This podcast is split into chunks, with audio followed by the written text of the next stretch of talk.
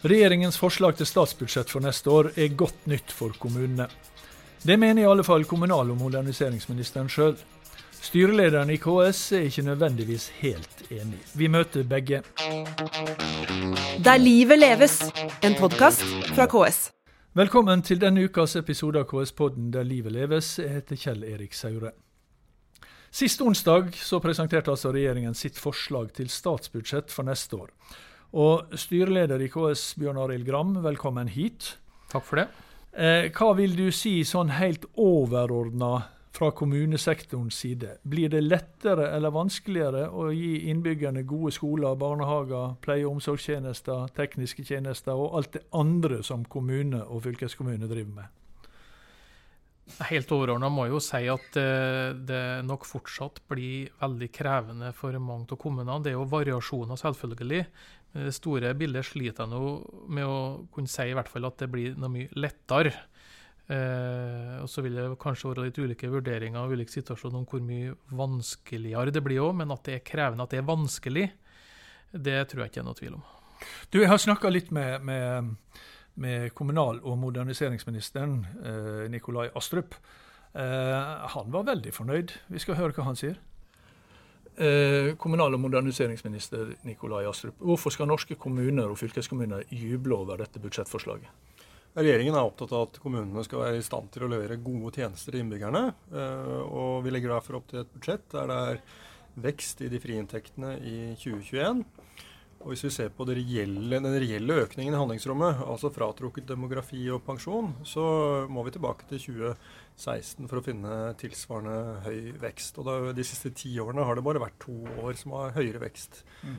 reelt sett eh, i 20, enn 2021, og det er 2015 og 2016. Så du mener altså at det reelle handlingsrommet til kommunene og fylkeskommunene øker i dette budsjettforslaget? Ja, det øker med 700 millioner. eh, Og hvis tar vi også med de 200 millionene hvor vi har lagt eh, en begrunnet satsing på lav- og nullutslippsferjer eh, og hurtigbåter til grunn, og, og barn og unges psykisk helse, så er det jo oppe i 900 millioner. Så det er et uh, solid uh, budsjett for Men- 2021. Er ikke, ikke mye av dette allerede egentlig brukt opp? Altså, eh, jeg ser at KS eh, klager jo, det gjør, gjør, jo vi nesten hvert år, på at, eh, eh, på at statens toppfinansiering av disse ressurskrevende tjenestene eh, de reduseres hvert år. Og, og nå for neste år så er det vel beregna til 300 millioner eller noe sånt. Er ikke det jo da kommer til minus på disse sju? KS og regjeringen har jo vært enige om at eh, kostnadsveksten i ressurskrevende tjenester har vært veldig veldig høy. Eh, Da ordningen ble opprettet i 2004 av den forrige borgerlige regjeringen, så var det eh, halvannen milliard som var satt av til dette. I 2021 så blir det eh, over 11 milliarder. Og fortsatt en eh, betydelig og reell vekst fra 2020 til 2021. Eh, Men det vi gjør også eh, i, år, er jo vi setter av en liten pott på 30 mill. til små kommuner som har særlig høye utgifter. Mm. fordi det er særlig de som har utfordringer med å finansiere dette. og Derfor er det viktig at vi innretter ordningen litt annerledes enn det vi har gjort før. Og så er det viktig at vi både stat og kommune jobber for at vi klarer å levere disse tjenestene på innovative og gode måter, slik at brukerne får det de skal, og kanskje enda mer enn eh, det de får i dag. Men at vi løser oppgavene på litt andre måter enn det vi gjør, for i dag er det veldig kostnadskrevende. Og det kan ikke fortsette inn i evigheten. OK, statsråd. Eh, kommuneøkonomi generelt. Fra en topp på i 2016, da lå vel netto driftsresultat i gjennomsnitt på over 4 Så har det hvert år gått nedover. Nå har KS regna at i år vil det havne på mellom en halv og 1% Det er ganske langt under det som Teknisk beregningsutvalg eh, anbefaler at kommunene skal ligge på. Nå er jo 2020 et eh, annerledes år på alle mulige måter, så det er ikke så overraskende at det gir seg utslag i lavere overskudd. Og Hvis vi ser tilbake de siste årene, så har det jo vært gode år. Eh, I 2019 var det riktignok litt lavere eh, driftsresultat enn det har vært i de foregående årene, men fortsatt innenfor TBUs anbefalinger. Og det skyldes jo også ekstraordinært høye skatteinntekter. Og det har gjort det mulig for kommunene å bygge opp en buffer. Så kommunesektoren hadde 30 milliarder kroner på bok i 2013, og nå har de 67 milliarder kroner på bok. Eller hadde det i hvert fall ved inngangen til 2020. Og det er jo bra, fordi det er usikre tider. Og regjeringen er tydelig på at vi skal stille opp, og vi skal eh, ta merkostnadene med korona og dekke opp mindre utgifter. mindre inntekter, unnskyld. Men, eh, men, det er klart, i den usikre situasjonen vi er i, så er det bra at kommunesektoren sånn sett eh, var godt rustet før krisen. Men når det gjelder kommuneøkonomi, så er det jo sånn at vi jobber på makronivå. Eh, og det er ikke til å legge skjul på at det er store variasjoner mellom eh, kommunene i Norge. Og det er noen kommuner som har god økonomi, solid økonomi, og andre kommuner som har eh, større utfordringer med å få endene til å møtes. Og Vi har jo satt ned et utvalg som skal gå gjennom inntektssystemet for kommunene i Norge. og Det mener jeg er fornuftig. og Det bør gjøres med jevne mellomrom, nettopp for å se om vi treffer godt nok de ulike kommunenes faktiske utgifter knyttet til de tjenestene som de er pålagt å levere. Ja, Så langt eh, kommunal- og moderniseringsminister Nikolai Astrup. Um, Bjørn Arild Gram, for å ta uh, sånn uh, litt etter tur her. Han snakker om at kommunesektoren har fått et eller får et økt handlingsrom på 700 millioner kroner neste. Du, Aller først, kan ikke vi bli enige om hva er dette, hva er, hva er dette begrepet handlingsrom? Hva er det? Ja, det er jo det midler, de ekstra midlene du sitter igjen med til å øke aktiviteten etter at du er kompensert for demografi og pensjonskostnader. Altså for endring, altså for at, at folk blir eldre, eller at, at det blir flere ja, brukere ja. på noen mm. områder, i tråd, ja, i tråd med aldersutviklinga. Ja. Og denne, dette handlingsrommet, sier han altså, eh, det han sier er at kommunene, kommunesektoren får 700 millioner kroner mer å bruke og prioritere blant neste år enn de har i år. Ja, Det er en måte å framstille det på, men uh, den stiller vi jo store spørsmålstegn med. Uh, fordi at uh, bare den endringa på ressurskrevende tjenester, endringene i kostnadsfordeling mellom stat og kommuner, medfører jo en økt regning for kommunene på 300 millioner. Ja, det var jo, Der nevnte han denne ressurskrevende tjenesten som, som, som KS har klaga på. og som, er, For det første, hva er ressurskrevende tjenester? Nei, det er jo sånn at vi Innenfor helse- og omsorgstjenestene våre har en del brukere som krever veldig mye ressurser. Høy mm. bemanning, stor tilrettelegging, for de har store behov. Ofte i turnus, eh, som gjør at du, hver enkelt bruker da, eh, medfører ja, store kostnader, da, for å ta det rent økonomiske med det. Så dette er tjenester til folk med spesielt store hjelpebehov. Ja, det var en veldig god måte å si det på. ja. eh, og, og, og, også er det sånn da at, at vi siden 2004 var det vel, har hatt en ordning hvor at staten har tatt en del av toppfinansieringa over et gitt beløp. Mm.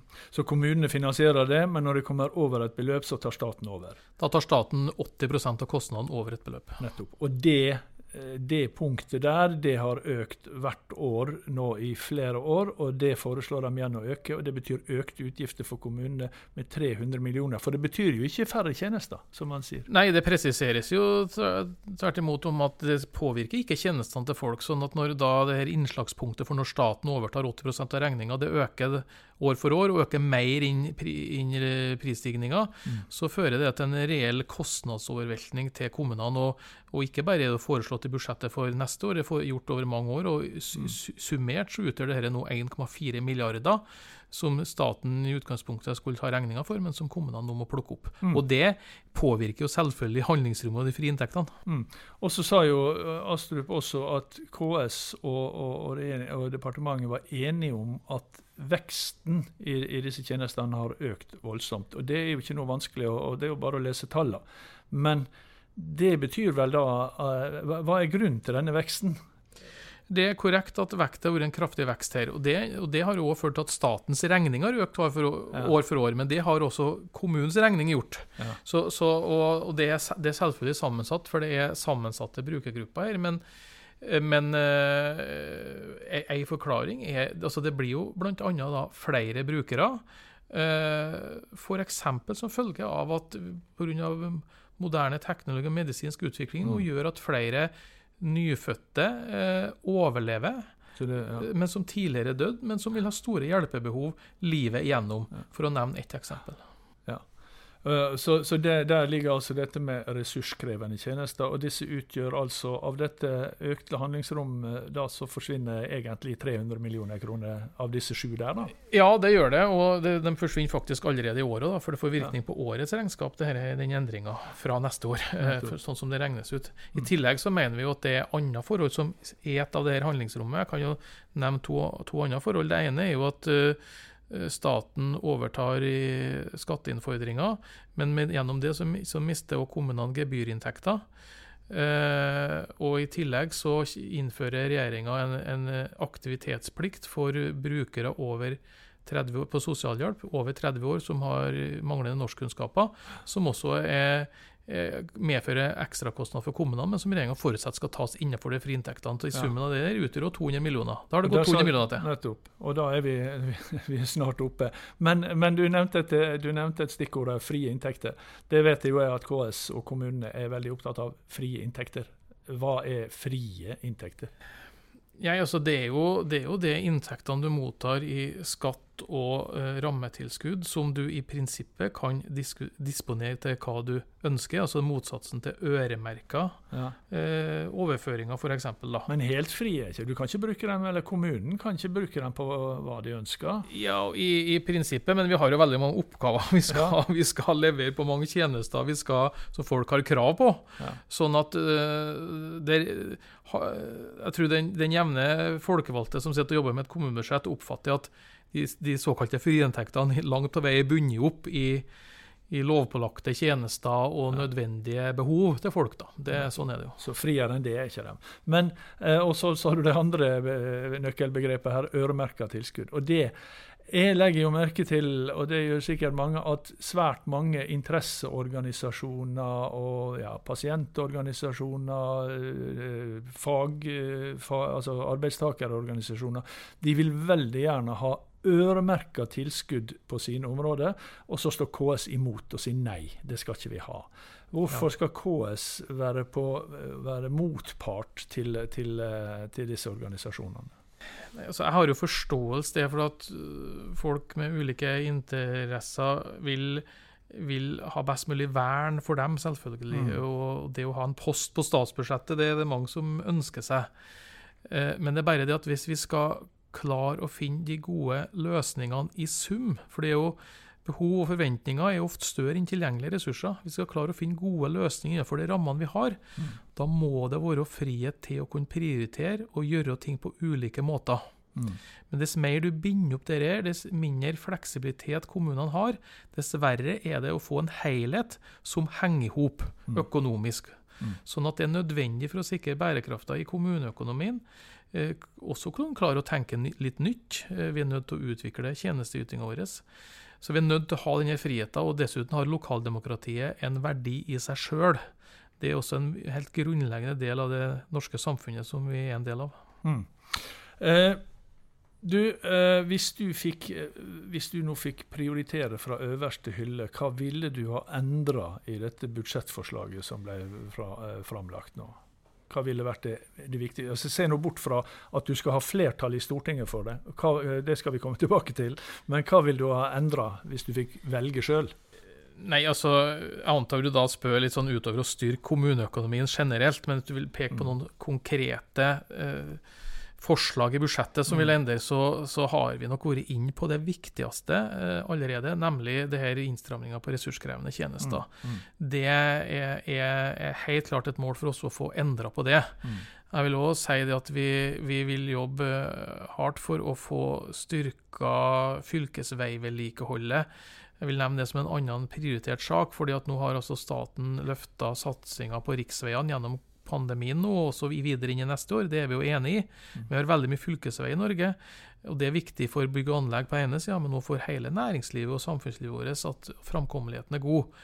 Uh, og Det ligger et anmodningsvedtak i Stortinget at man skulle se på muligheten for å gjøre det i 2021. Mm. Men det mangler, og det burde vi få gjort noe med. Mm. Så selv om vi ber deg nå se bort fra at det skal ha flertall i Stortinget og, og, og velge fra øverste hylle, så, så, så, går du egentlig inn på ting som du tror du kanskje kan, kan bli flertall for i Stortinget. da, fordi Regjeringa skal jo nå få dette gjennom i Stortinget. Da trenger de hjelp av eh, ja, først og fremst Fremskrittspartiet. Det er jo vel de som skal vedta dette budsjettet sammen med regjeringspartiene. Har du håp og tro på at du skal få gjennomslag for disse punktene? Ja, du har, jo, du har, jo, rett i at jeg, jeg nå pekt på saker som, eh, som vi har, eh, ser at det kan være en mulighet til å diskutere med Stortinget, for å, mm. med sikte på å få endring, endring, der i forhold til regjeringens forslag. Det er ikke noe tvil om.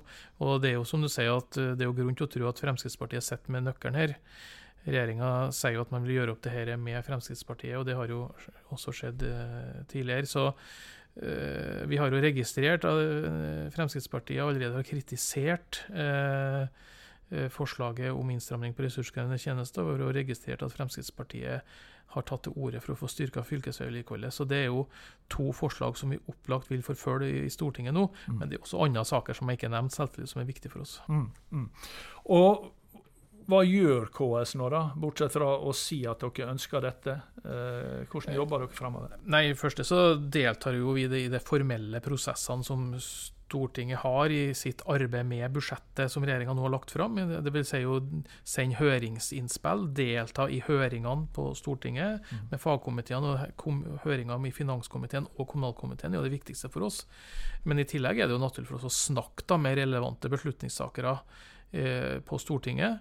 Men jeg vil også si det at det er viktig at hele vår eh, organisasjon, egentlig Kommune-Norge, eh, evner å løfte litt i flokk her da, for å, å, skape et Det handler om påvirkning, det handler om å skape opinion, det handler om å presse på for det som vi er opptatt av. Så jeg oppfordrer jo eh, ordførere og Kommune-Norge eh, til å reise seg litt her og delta i det presset og den påvirkningsarbeidet som vi trenger å gjøre. Mm. Flott appell til slutt. Takk skal du ha, Bjørn Arild Gram, styreleder i KS. Det var det vi uh, fikk med i uh, KS-podden Der livet leves denne gang. Vi er ute med en ny episode neste mandag. Til da, ha det bra. Der livet leves, en podkast fra KS.